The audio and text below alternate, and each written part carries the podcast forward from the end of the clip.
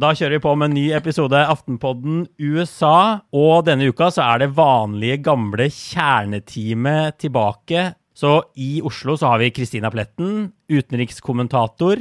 Og her på Manhattan så sitter jeg, USA-korrespondent Øystein Langberg. Og grunnen til at jeg må reintrodusere oss, er jo Kristine, at jeg hadde en spesialepisode her om dagen med, med utenriksminister Ine Eriksen Søreide, hvor ikke du fikk være med, for du er jo ikke i USA. Nei, det var litt kjipt, altså. Det var litt sånn nedtur kanskje for deg å bare ha eh, liksom, en kjip kommentator istedenfor en utenriksminister som makker igjen. Ja, nei, jeg trodde du mente at det var en nedtur for meg å ikke ha deg på i helgen. Ja, ja, ja. Eh, bare en kjip utenriksminister som til og med skal, eh, skal slutte. Nei, hun er jo ikke kjip, da. Hun er jo en av de flinkere utenriksministrene vi har hatt. Det må vi vel få lov å si. Og det kan du si, som er Det kommentator. jeg kommentator. Jeg, skal selvfølgelig ikke kommentere det, men det jeg kan si, er at jeg, jeg må bare si jeg er imponert over norske politikere og hvor sporty de er. Jeg satte opp et sånt provisorisk studio inne på et hotellrom til en av rådgiverne. Vi fant fram en sånn krakk fra badet som en av oss måtte sitte på, og så dro jeg fram et, et sånn nattbord og rigga det til, og der så satt hun og krøka seg sammen i 30 minutter. Men var likevel altså, så, så god. Hun, jeg syns hun var kjempeinteressant. Hun delte mer om Trump-årene enn hun har gjort før. Mm. Ja, altså det der med at Trump trodde at hun var jagerpilot, det var jo helt hysterisk vittig. Jeg, jeg lo høyt. Så de som ikke har hørt episoden, de må bare skynde seg å høre den etter de har hørt denne ferdig. Ja, det var litt reklame for, eh, for vår egen pod og den episoden som vi, spesialepisoden fra, fra helgen. Og så må vi bare si, da, som vi pleier, at eh, for alle som hører på oss, så er vi, setter vi stor pris på det.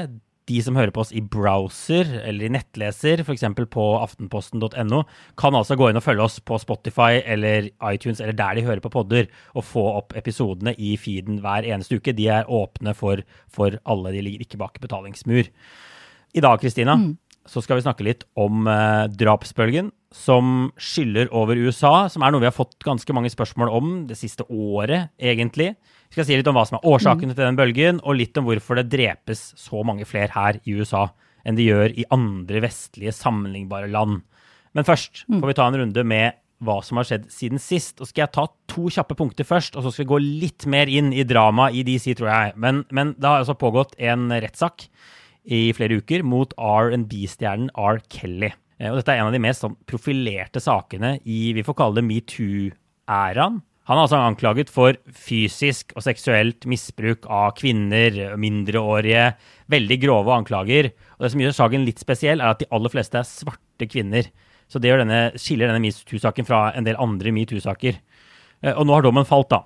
Det er derfor vi tar det med her. Og dommen er alvorlig. Han dømmes for overgrep, menneskehandel, utpressing, en hel en sånn, en sånn lang rekke ting. Og risikerer altså da livstid i fengsel. Vi må se hvor streng dommen blir, men den, er, den ligger an da, til å bli ganske streng. Og så skal jeg bare ta med en kjapp oppdatering som vi har snakket om før. Arizona, republikanerne i senatet der, har gjennomført en nok en opptelling av stemmene. De har telt og telt og telt stemmer. Det begynner å bli ganske lenge siden valget, som vi kan huske.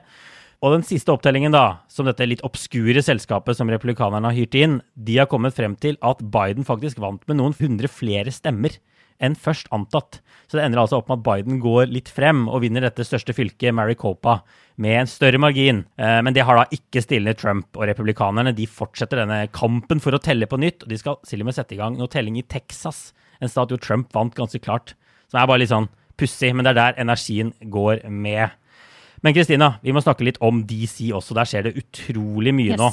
Og veldig mye sånn, mm. Det er veldig mye i bevegelse samtidig, så det er litt vanskelig å, å ha oversikt fra time til time. Ja, det er veldig forvirrende, som det ofte er når det blir sånne her situasjoner der eh, eh, veldig mye står på spill. Det er eh, mye strategi og taktikk eh, inne i bildet. Og så er det jo eh, en klokke som tikker ned mot eh, at staten skal gå tom for penger. Så nå er det virkelig en sånn skjebneuke for Biden, og sannsynligvis ikke den eneste. Det kommer sikkert flere sånne skjebneuker utover høsten. Eh, men det som er på bordet, er jo da for det første denne store infrastrukturpakken som vi har snakket om før, som har blitt sendt videre, godkjent i Senatet. Den er på 1000 milliarder dollar, eh, og eh, demokratene i huset har sagt at de ikke vil stemme på den før de også legger frem denne enda større pakken på 3,5 1000 milliarder dollar. Det er så mye penger at jeg nesten ikke klarer å si det. Som også inkluderer masse sånn sosiale programmer, eh, fattigdomsbekjempelse osv. Så, videre. eh, så nå er det sånn frem og tilbake og kniving med hva man skal gjøre, og hvordan man skal få noe av dette her igjennom. Tidligere så har Nancy Pelosi, lederen i Representantenes hus, sagt at eh, de to går hånd i hånd, så vil ikke legge frem det ene hvis ikke også det andre blir, eh, blir stemt over da. Men de siste dagene så har hun gått litt vekk fra det og sier at kanskje de skal bare stemme over denne rene infrastrukturpakken som, som handler mer sånn om fysisk infrastruktur, veier, flyplasser, den type ting. Mm. Eh, I tillegg så må altså demokratene finne en måte å finansiere den vanlige driften av staten på. og Der har de noen forskjellige måter de kan gjøre det på. Eh, de kan eh, legge frem en sånn kriseløsning som varer i noen uker. Eh, eller de kan prøve å få hevet dette gjeldstaket da, som, som, regulerer hvor mye penger de kan låne. Så alt dette skjer på en måte samtidig, og det er superforvirrende også for oss, tror jeg. Men, men også veldig spennende hvis du er veldig nerdete og interessert i amerikansk politikk. Ja, det er liksom the perfect storm med sånn fire elementer, som du sier. Infrastruktur, ja. deres egen sånn sosiale pakke, og så gjeldstak, og så government shutdown. Det er jo ting vi har sett før. Vi kan jo mm. bare si at vi kommer tilbake, for det er alltid litt sånn vanskelig å lese terrenget. Hvor, hvor sannsynlig er det egentlig at det går på dunken? Uh, særlig hvis Amerika ender opp med å ikke betale og betjene gjelda si, så er det en ekstremt alvorlig situasjon. Så Vi får bare si at Hvis det skjer noe megadramatisk, så får vi lage en ekstra episode om det. Og så får vi bare følge, ja. følge dette med, uh, følge med på det og se hva de får igjennom. Men det er veldig veldig spennende, spennende uker. Men du, la oss snakke litt om mm. Vi må vel kalle det en drapsbølge i USA. Jeg tror ikke man kan kalle det noe annet. Eh, vi har jo hørt en del historier det siste året, sånne anekdotiske historier. Norske medier har også plukket opp noen av de sånn fæleste, groveste nyhetene om, om, unge barn som har blitt, eh, og, og spedbarn som har blitt drept i sånne uh, skyteepisoder rundt omkring i Brooklyn og andre byer i USA, uh, som har blitt tilfeldige ofre, egentlig. Så man har hatt en følelse av at ting går liksom gal vei med, med drap og skyting i USA. Og så har det kommet tall som viser det, og nå kommer det på en måte fasiten endelige tall. da fra FBI kom nylig, som bekrefter nettopp det her. Det er en drapsbølge på gang. De viser faktisk at fra 2019 til 2020 så økte antall drap i USA med 29% som er den kraftigste økningen på et enkelt år, egentlig siden disse tallene ble begynt å ført på, på 60-tallet. Så 21 500 mennesker eh, ble drept i USA i fjor. Og det tallet er i seg selv på en måte det høyeste siden før år 2000. Så det er slutten på en langvarig, nedadgående, positiv trend vi ser nå. Og så går drapstallene skikkelig opp igjen. Så det vi egentlig ser, er at veldig mange år med sånne små, gradvise fremskritt forsvinner over natten. Kan vi ikke si det sånn? Det kan vi, og det har jo fått en del oppmerksomhet eh, sånn eh, med ujevne mellomrom, da, dette her. Og eh, vi skal jo komme litt mer inn på det, men det er jo mange forskjellige forklaringer som ble fremmet som mm. mulige årsaker, uten at noen helt klarer å virkelig sette fingeren på det. Nei, det vi ser er at liksom, drapene går opp over hele fjøla. Store byer, små byer, mellomstore byer. Det øker på en måte i alle geografiske regioner. I tidligere drapsbølger så har det ofte vært storbyene som har vært overrepresentert. Nå det er ikke så ille i f.eks. New York som det har vært på det verste. Så New York har ikke en like høy andel av drapene som de hadde tidlig på 90-tallet. Det er også ting vi skal komme tilbake til. Men det vi ser da, og som vi har sett mange mm. ganger før, er unge menn overrepresentert både blant ofre og drapsmenn. Eh, kraftig overvekt av svarte amerikanere. Nesten halvparten av de drepte er svarte amerikanere. Og de utgjør en langt lavere andel av befolkningen enn enn halvparten. Uh, og dette er jo typisk, og Du har jo bodd i USA lenge og rapportert og vært i miljøer og disse delene av byene hvor disse tingene skjer. For vi får jo bare si det at På Manhattan for eksempel, det er ikke sånn at jeg føler at jeg lever i en drapsbølge. Men deler av New York City gjør det. Og sånn er det andre steder i USA også. Ja, og noen av disse her uh, hardest rammede bydelene er jo uh, rett og slett forferdelig skumle å ferdes i. Ja. Sist gang jeg var i et sånt område, var vel i, i, helt i, i, slutten før jeg reiste hjem, før du tok over etter meg, sommeren 2019, tror jeg. Da var jeg i Baltimore. Eh, mm. Mange kjenner Baltimore fra TV-serien The Wire, og det er eh, nesten enda skumlere å være i, eh, i, i, det verste strøket av Baltimore enn det ser ut på TV. Altså, det er så mye narkotika, så mye rart du ser på gaten. Det er så mye forfalne hus. Det er folk som går rundt som om de er zombier. Eh, det ligger mennesker strødd altså det, er helt sånn, det, det, går nesten ikke an å beskrive mm. det. Og jeg eh, var gjennom Baltimore, var rundt og snakket med folk eh, en del pga. Eh, at Donald Trump selvfølgelig hadde snakket ned eh, Baltimore. Men også fordi at jeg har en kilde der som hadde veldig god kontakt med disse miljøene og kunne ta meg trygt gjennom det. Jeg hadde aldri turt å reise inn i, i de strøkene alene. Og har også vært i, i, noen av de verste strøkene i Chicago, eh, som er dritskummelt, rett og slett. Altså, du føler deg skikkelig utrygg og redd. Og det å Jeg, jeg tenker eh, hver gang jeg er sånne steder, at det å måtte bo der og være der, ja. ikke kunne liksom vi kan jo gå inn og så kan vi gå ut igjen og inn på et fint hotell og slappe av og få det veldig på avstand. Sant? Det er jo et veldig privilegium. Men det å måtte bo der med små barn og ha den frykten som du mm. kjenner når du er der hver eneste dag fra du står opp til du legger deg. Det må være helt forferdelig. Nei, jeg er helt enig. Helt enig. Vi må, vi må bare snakke litt om altså, Hvis vi bare går, tar den bøl siste bølgen vi ser nå først, altså koronabølgen, hvis vi kaller det det som har skjedd siden 2019, så er det Folk peker på ulike årsaker, men pandemi er jo det som liksom er kanskje fremst i pannebrasken, det man tenker på først som en, en mulig årsak. Altså, Veldig mm. mange har opplevd en vanskelig økonomisk situasjon. Det er mentalt belastende å miste jobben, f.eks.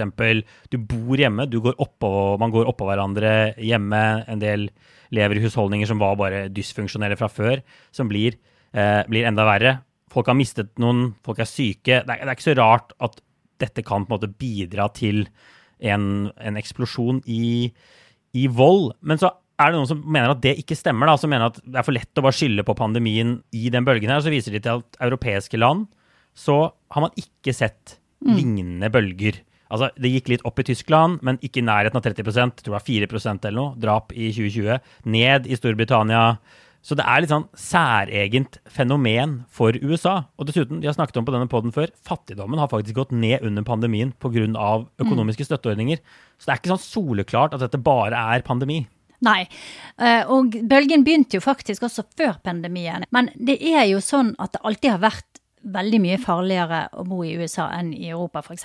Og eh, drapstallet har alltid vært mye høyere. Du har en mye større sjanse, rett og slett, for å bli drept hvis du er amerikaner, og også amerikansk barn, da. Um, mm.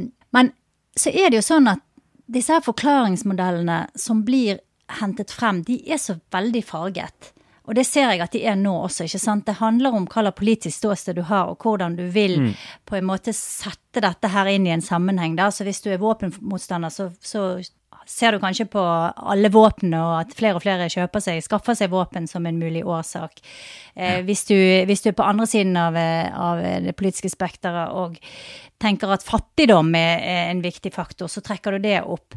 Og så er det jo, eh, i hvert fall det jeg har sett, så det, ser det jo ut som en slags kombinasjon av mange forskjellige ting som har spilt ja. inn her. Og kanskje også en slags sånn aggresjon og sinne som var i det amerikanske samfunnet, har vært der og er der fortsatt de siste fire-fem årene, som bare har økt og økt. Det her eh, raseriet på, på, veldig mange felter som kanskje har gjort at, eh, at liksom noen sperrer har blitt litt fjernet. Eh, og så kanskje skal vi også legge til narkotika som en viktig, eh, en viktig del av bildet også. Ja, jeg tror absolutt det. Jeg tror, altså, vi må nevne våpen. Politiet sier de pågriper flere med våpen. Flere har, uh, har tatt altså bruker våpen, bærer våpen. Mm. Du så en voldsom eksplosjon i våpensalget i mars 2020 da ja. pandemien brøt, brøt ut. Så, så, det er en del av bildet. Og så er det ganske mange som peker på George Floyd. Og da kommer vi kanskje tilbake til noe av det, mm. noe av det sinnet du snakker om. Fordi mm. den, altså den, virkelige toppen i drap ble nådd sommeren 2020. Eh, og der har det ligget ganske høyt, høyt siden det, det brukes også politisk måte fra, fra begge sider, da, men noen mener at, at, eh, politiet ble demoralisert av disse voldsomme opptøyene. De trakk seg litt tilbake, kanskje både pga. pandemi, men også pga. George Floyd. Stor redsel for å gjøre noe feil. Eh, det var mye snakk om å kutte i politibudsjetter. Det var snakk om defunding the police, eller mindre radikale varianter. da. Så, så, så det pekes på som én årsak, én del av det. Og så er det noen som mener at flere eh, mistet troen på politiet og bestemte seg for å ta loven i egne hender. At man fikk mer sånn borgerjustis under disse opptøyene. Mm. Men det er, fall, altså, det er, i hvert fall, en interessant del av bildet. Men det er jo veldig politisk også å begynne å skylde på disse protestene. Ja, men det er jo nettopp dette her som er det store problemet i veldig mange områder i USA. At fordi at du ikke kan beskrive et problem eh, uten å være politisk, så klarer de heller ikke å bli kvitt problemene. Fordi at eh, de er ikke enige på, egentlig verken om hva problemet er, eller hvordan det skal løses. ikke sant? Og dette her mm. har spesielt gått hardt utover eh, svarte i, i urbane strøk. I Tiår etter tiår etter tiår har de hatt høy kriminalitet, de kommer seg ikke ut av fattigdommen. Eh, de lever på en måte i den hengemyren, og så går det litt bedre, og så ser vi sånn som nå at det bare går tilbake igjen til, eh, til gamle synder. Og det at man ikke klarer å, eh, å enes om en slags eh, både en årsak og en, eh, en, måte, en vei ut av det, da. Det mm. gjør at de bare blir værende der. Det er fryktelig frustrerende. Og jeg tenker at en del av det der George Floyd-narrativet som handler at alt kommer av rasisme, det er også et hinder for å løse opp i noen av disse her strukturene. Fordi at eh, hvis du bare jobber mot rasisme, og problemet ligger et, et, helt annet sted, i hvert fall en stor del av problemet, så kommer mm. du liksom ingen vei. Så dette er egentlig Nei. et supergodt eksempel på akkurat den der dynamikken der. Ja, og de, de, som pusher tilbake mot at George Floyd-protestene har noe med å gjøre, viser jo til at f.eks. ganske få byer endte opp med å kutte politibudsjettene sine sånn som de sa. Noen byer gjorde det, men de aller, aller fleste byene klarte det ikke, eller ville ikke når det kom til stykket. Eh, så de beholdt egentlig ganske store politibudsjetter, så det har ikke vært en sånn voldsom kutt i politiet. Men godt hende det har noe med altså Noen mener det har vært mye politifolk som har blitt pensjonert, eller den demoraliseringssaken, at de er mer forsiktige, som helt sikkert også har noe med smittevern å gjøre. Det har vært mindre jobbing ute i miljøene, man har kunnet jobbe mindre med gjengkriminalitet pga. pandemien. Så alt henger nok litt sammen med alt, men det kan godt hende at politiarbeid her er en, eh, er en nøkkelfaktor. Cool fact a crocodile can't stick out its tongue. Also, you can get health insurance for a month or just under a year in some states. United Healthcare short term insurance plans, underwritten by Golden Rule Insurance Company, offer flexible, budget friendly coverage for you. Learn more at uh1.com. Say hello to a new era of mental health care. Cerebral is here to help you achieve your mental wellness goals with professional therapy and medication management support. 100% online. You'll experience the all new Cerebral Way an innovative approach to mental wellness designed around you. You'll get a personalized treatment plan from a therapist, prescriber, or both in a safe and judgment free space. Your cerebral therapist or prescriber will outline a customized plan with clear milestones along the way so you can get to feeling your best. With Cerebral, you're not alone in your mental health journey. We're here to empower you to live a fulfilling life. So take that first step towards a brighter future and sign up today at cerebral.com slash podcast and use code ACasts to get 15% off your first month. Offer only valid on monthly plans. Other exclusions may apply. Offer ends July 31st, 2024. See site for details. Men du, jeg vil bare, eh, vi må bare snakke litt mer. Altså, du, vi har vært inne på det allerede. Det er jo ikke noe bare under pandemien at USA har høyere drap enn andre land. Det har vært sånn lenge. USA har hatt en god trend. Det er blitt færre, færre drap per år siden toppen på 90-tallet, uh, før den nå spratt opp igjen. Men altså, den har ligget mye, mye høyere enn europeiske land. Hvis vi ser på, på drapsraten i USA mot EU, så ligger den sånn tre til fire ganger over. Så det drepes altså tre til fire ganger mer, flere i forhold til innbyggertallet enn i EU her i USA. Og sammenlignet med vårt uh, kjære Norge, da, så ligger USA bare milevis over i antall drap. Altså Norge hadde 31 drap i 2020. Jeg regna litt nå, bare sånn helt superkjapt. USA hadde altså 21 500. Og hvis USA hadde hatt eh, Norges drapsrate, så hadde de hatt rundt 1900 drap i året. Ikke mm. over 20 000. Så det er jo bare en helt, helt enorm forskjell. Ja. Og jeg tror jo at en del av det er rett og slett en slags sånn USA er en mer voldelig kultur. Det har det alltid mm. vært. Det har, eh, fra holdt jeg på å si den ville vesten og frem til i dag, så har det vært en, en kultur der vold har vært mer akseptert som et slags sånn eh, eh Både som en reaksjonsmåte og som en, eh, å si en, en, løsning på problemer. Men, men, jeg tror jo også at det er ganske tett knyttet til to ting. Det ene er narkotika, narkotikabruk. Det er veldig, veldig mye av det i USA. Og det er eh, utbredt både i rurale områder og i eh, urbane områder. Eh, og så er det psykiske lidelser som også er fryktelig utbredt. Av og til så går, går de to temaene litt eh, i hverandre, eller de glir litt i hverandre. Men, men eh, også samtidig så har du et dårlig helsevesen som ikke klarer å, å, egentlig møte de store utfordringene som det der skaper, da. Eh, mm. Så jeg tror at det, for meg i hvert fall, eh, må være en veldig sånn grunnleggende faktor som gjør at det er litt sånn vanskelig å få bukt med det, før du får bukt med, med liksom de bakenforliggende problemene. Ja, og så er jo våpen er jo, ligger jo der som en bare utrolig mm. viktig faktor. Hvor mange amerikanere som har våpen hjemme. Altså, Gallup sine siste tall viser at 42% sier at de bor i et hjem med våpen av amerikanere. De tallene er vesentlig mm. lavere i, i Norge. Og vi nevnte jo at uh, våpensalget har skutt i været, både under pandemien, men også da Biden ble valgt. Og også så var det sånn at i 2020 så var altså 77 av de drapene som ble begått i USA, ble begått med våpen. Så det er jo en del eksperter som sier f.eks. Så, så ser vi at den generelle kriminaliteten gikk ned under pandemien i USA og har gått ned over tid, hvis man tar med altså, innbrudd, eh, ran, alle disse tingene der. Så det er jo en del som mener at mm. forskjellen på USA og Europa er ikke nødvendigvis kriminalitetsnivået generelt, men det er at kriminaliteten blir mye mer dødelig. Det går galt mye oftere fordi du har et våpen liggende i skuffen hjemme. Mm. Og det er jo høres jo ut som en viktig, sentral del av forklaringen. Ja, ja absolutt. Og så har jo du um, Du har jo også um, gjengkriminalitet som er litt sånn omstridt, uh, hvor, hvor utbredt den er, og, og hvor, uh, hvor, mye den uh, står bak, særlig kriminaliteten i, i, og drapene i storbyene, da. Og her vil jo ja. en demokrat sannsynligvis si at det er mye mindre fremtredende enn en republikaner vil. Men ja. det er klart at det er tett forbundet igjen med narkotika, og har nok også en, i hvert fall en eh, relativt stor rolle i drapsbølgen i byene. Ja. Men vi må jo bare si at dette her er et vanskelig felt. Og jeg nevnte i stad uh, Du bodde jo i New York tidlig på 90-tallet, da, da, det var enormt mye drap i den byen her. Nå går det litt opp igjen, men de er jo ikke i nærheten av så ille som det var da. Og så falt drapene under ulike ordførere i en lang, lang, lang tid.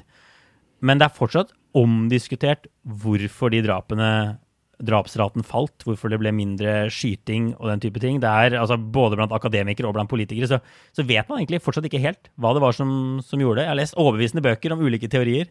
Ja, og her er det jo mange som vil ta æren for det. Men eh, når jeg flyttet til USA i 1990, så var det, eh, eller til New York, så var det rundt 2000 drap i året. Det var kjempemasse, mm. og det var vel eh, sånn historisk eh, toppunkt, da. Og så utover på 90-tallet så ble det kraftig redusert. Og det falt jo sammen med Rudy Giulianis uh, tid som ordfører, der han innførte ganske sånn strenge regler, noe som het stop and frisk, der de, de, de stanset uh, særlig unge uh, menn fra minoriteter og tok fra dem hvis de hadde kniver eller våpen. Ofte mm. hadde de jo ikke det, men ble bare stoppet og plaget av politiet likevel. Og så var det sånn noe som het no broken windows, eller noe sånt, som var at ja. man ble liksom tauet inn for små lovbrudd eller små eh, hærverk, sånne ting, da. Eh, de, de kjørte en voldsom kampanje for å få grafitt av eh, T-banen, f.eks. Ting skulle være rent og ordentlig. Eh, de fjernet strippeklubber fra skoler. Fikk, han fikk en sånn regel om at, eh, at, en strippeklubb og en alkoholutsalg ikke kunne være mer enn så og så mange meter nær en skole. Så de gjorde en del sånne konkrete grep som gjorde at Som i hvert fall var med på at kriminaliteten sank ganske kraftig, men som også var veldig omstridt og omdiskutert. Og så fortsatte jo den eh, å synke under Bloomberg, som eh, var litt republikaner og litt demokrat, og, eh, og også videre i, i, årene som fulgte. Så det har jo på en måte vært mange som har tatt æren, og ja. Eh, kanskje har alle litt av æren også. Kanskje, kanskje har det også her vært flere ting som har spilt inn. Ja. Men det er jo, du har nevnt det flere ganger, det er jo ekstremt mye politikk i dette. Og vi så da disse nye mm. tallene kom ut, altså 30% økning i drap fra 2019 til 2020, så var hun eh, McEnany, tidligere presserådgiveren til Trump, som, som sto jo og holdt disse brifingene det siste året der, raskt på banen på Twitter og skrev liksom 'Dette er Joe Bidens Amerika'. Og så sletta hun tweeten ganske kjapt, men den har da blitt tatt 1000 screenshots av. For dette skjedde jo under Trumps Amerika, altså 2020. Trump var jo president gjennom hele 2020, han. Det skjedde på hans mm. uh, watch, må vi kunne si. Men likevel så, så, føler jeg at dette er noe republikanerne bruker. Og vi må jo bare si at eh, drapstallene har vært fortsatt høye. Det ser ikke ut som veksten fortsetter. Kanskje er det noen tegn til at den kan til og med avta litt, men den er fortsatt høy. Og de må jeg si, ser ut til å lykkes ved å klistre dette til Joe Biden og demokratene på et vis.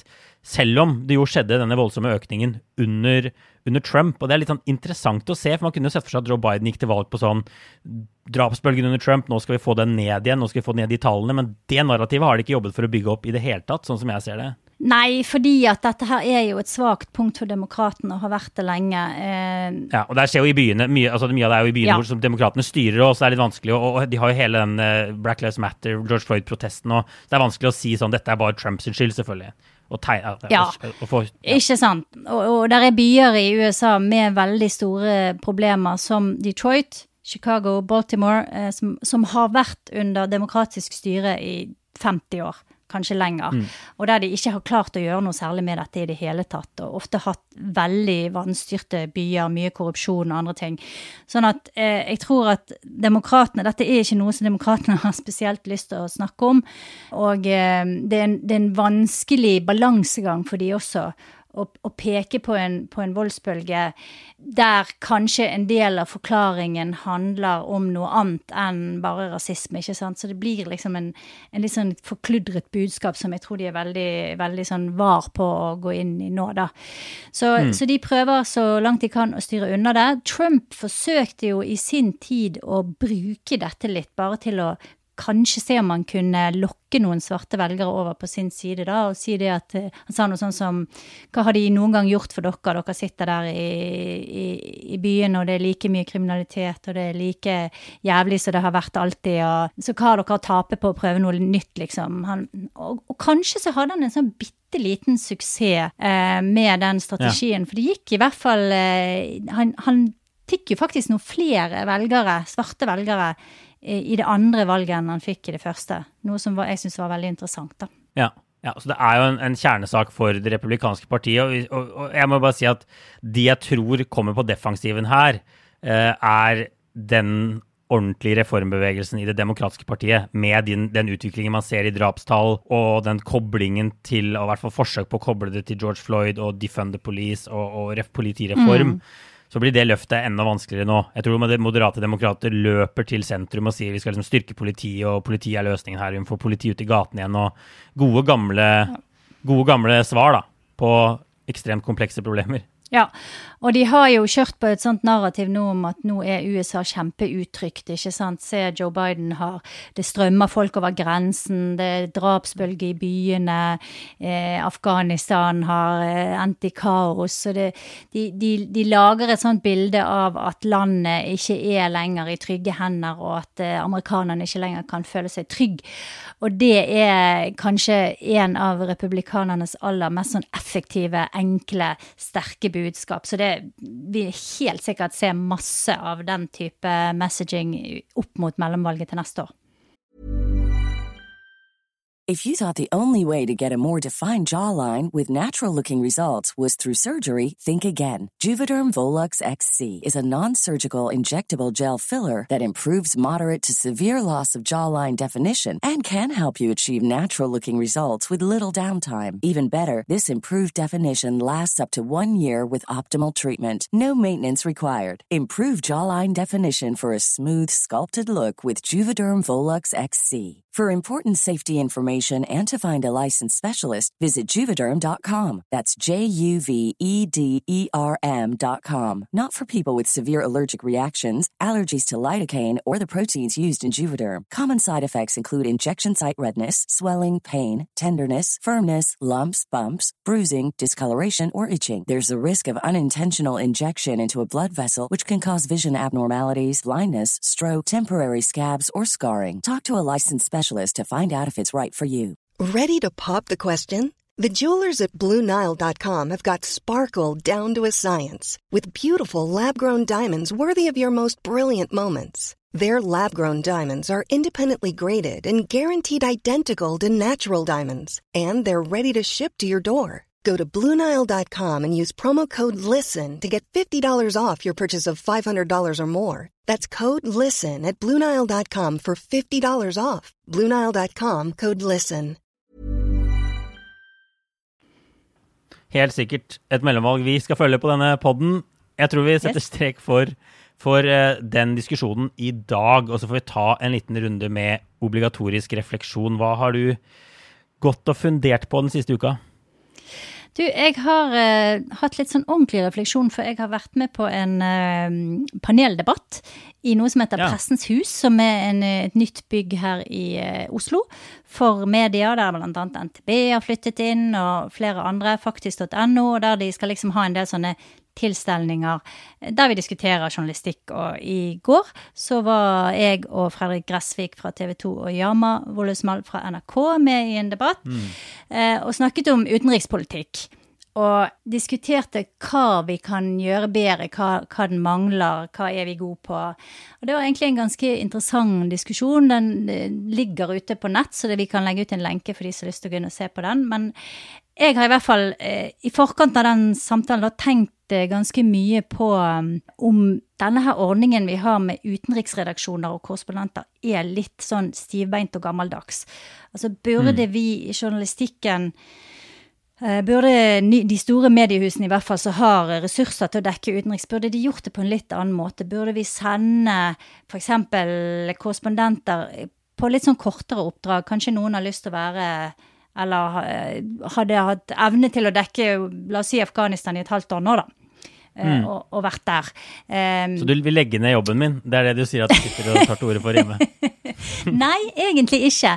Men uh, jeg, jeg, tenker at det er nyttig å ha korrespondenter sånn som vi har eh, noen steder. Men, men det er jo veldig sånn, og det vet jo du òg, det er jo veldig sånn det er ganske tette skott mellom utenriksredaksjonene og resten av redaksjonen. Eh, Og ikke all utenriks handler om politikk og krig og fred og, og store katastrofer og sånn. Det handler jo om økonomi, og det handler om teknologi, og det handler om en del store strømninger som forandrer verden veldig og påvirker oss veldig, og som vi kanskje ikke har vært gode nok på å fange opp, da. Så jeg snakker litt om det da i den eh, paneldebatten, og jeg syns det er et veldig interessant tema. Og siden jeg går ut ifra at de fleste som hører på denne podden også er ganske interessert i utenriksjournalistikk, så tenkte jeg kanskje at jeg skulle rett og slett eh, anbefale den, da. Ja. Da legger vi ut en lenke til den i eh, beskrivelsen av episoden, sånn som vi pleier, så kan folk klikke seg inn der og se den. Veldig bra. Min OR er presidentrelatert. Jeg har vært på tur i helgen til Hyde Park, som er en liten landsby, eller et lite tettsted, upstate New York, og hjemstedet til Franklin Delano Roosevelt, altså tidligere president. Der er det også et museum, eller et sånt presidential library, da, som de, som de kaller det. Og det er egentlig flere ting. Veldig spennende sted å dra. Eh, Det er egentlig det første sånn presidential library jeg har vært på. Jeg har vært på hjemstedet til George Washington, men det er litt, det er litt annerledes. Um, jeg har gått og tenkt litt på, Vi har jo annet snakket om man har noe til felles med Joe Biden, f.eks. Og når man er der, så tenker man at det er, de sammenligningene er litt sånn søkte. fordi det er, så, altså, det er vanskelig å trekke en ordentlig linje mellom de to. da, Fordi omstendighetene er så sykt spesielle rundt FDRs presidentskap. Altså den verste økonomiske krisen i historien. eh, En verdenskrig. Han sitter som president i fire perioder. Han vinner de enorme valgseierne. Eh, år etter, altså, år etter år etter år, så han har så stort flertall bak seg. Men, men, men, men, eh, men eh, absolutt et veldig spennende sted å dra. Og jeg har også det siste året lest en biografi om han som heter A Traitor to His Class, som er skrevet av en fyr som heter H.W. Brands. Og det som jeg syns er litt slående, både når man er der og når jeg leser den biografien, er altså som sagt president i nesten fire fulle fire perioder. Altså i hvert fall ble valgt fire ganger, da. Satt veldig, veldig lenge. Det er hvor lite vi egentlig vet om denne mannen. Om hva som motiverte han. Kommer fra et aristokratifamilie. Hvorfor gjennomfører han en vel, innfører han i praksis velferdsstat i USA? Hvorfor, hva tenker han før andre, andre verdenskrig? Disse tingene her vet vi nesten ingenting om. Fordi han eh, skrev ikke dagbok, eller veldig lite. da Han skrev et par dager, og så klarte han det ikke lenger. Og så han delte veldig lite. Selv kona hans visste ikke så mye om hva han tenkte, klagde hun over i brev og sånn. Så det er rett og slett en veldig mystisk mann fortsatt, etter så mange mm. år. Og det er interessant. Og uh, han blir vel regnet som en av USAs aller største presidenter. Kanskje uh, alltid i topp tre, eller noe sånt? Ja, alltid topp tre på alle undersøkelsene jeg har sett, hvert fall, og som ligger på Wikipedia. Mm. Og Noen ganger er han inne på andreplass, og noen ganger på førsteplass, men som oftest på tredjeplass, da, bak Lincoln og Washington. Mm. Men det er skikkelig vanskelig mann å skrive biografi om, i hvert fall. Fordi han da, som, som sagt, ikke, ikke gjorde noe særlig intervjuer heller. Så han er bare en mann som USA følte at de kjente på den tiden, men som veldig få bare vet så veldig mye om hva som foregikk inni hodet på. Det var vel sånn at amerikanerne Det var mange amerikanere som ikke visste at han satt i rullestol engang, fordi at uh, han uh, ble ja. bare var, var, lite sant? Det var jo ikke TV, og det var lite bilder. Nei, nei. Og det var veldig kontrollert, så Ja, og det sier liksom litt om hvor vanskelig det er Jeg trekker disse sammenligningene til Biden, og da tenker jeg Jeg tror det finnes fire mm. bilder av han i rullestol, og det ene har vi sett tusen ganger, vi, for det er veldig kjent. Jeg tror mm. ikke han liksom nektet for at hun hadde altså, sykdom og sånn, men det var liksom en sånn gentleman's agreement mellom han og pressen at det, det Han ble ikke avbildet i rullestol, han skulle avbildes som en stor statsmann, sånn. Som er bare en helt annen virkelighet enn vi lever i dag. Så kan hende at dagens presidenter bør sammenlignes med presidenter som har sittet i hvert fall etter andre verdenskrig, da. Men vi får lage en episode en dag om, eh, om presidenter og kanskje hvem det er mest naturlig å sammenligne, sammenligne Biden med. Ja. Men jeg tror vi setter strek der for i dag. Så får vi håpe dagens presidenter skriver dagbøker og sånn. da. De har jo også en tendens til å gi ut biografier og sånn, sånn som Obama, så vi vet også så mye mer. altså Selvbiografier og sånn. Det har jo heller ikke Roosevelt gjort, som er noe av problemet. Han, han døde jo brått, bare, i sin fjerde ja. periode. Vet nesten litt for mye om Obama, spør du meg. det eh, kan være dagens eh, sluttstrek. Jeg skal ikke kommentere det, men vi er tilbake om en uke med en ny episode. Inntil da, ha det, ha det bra.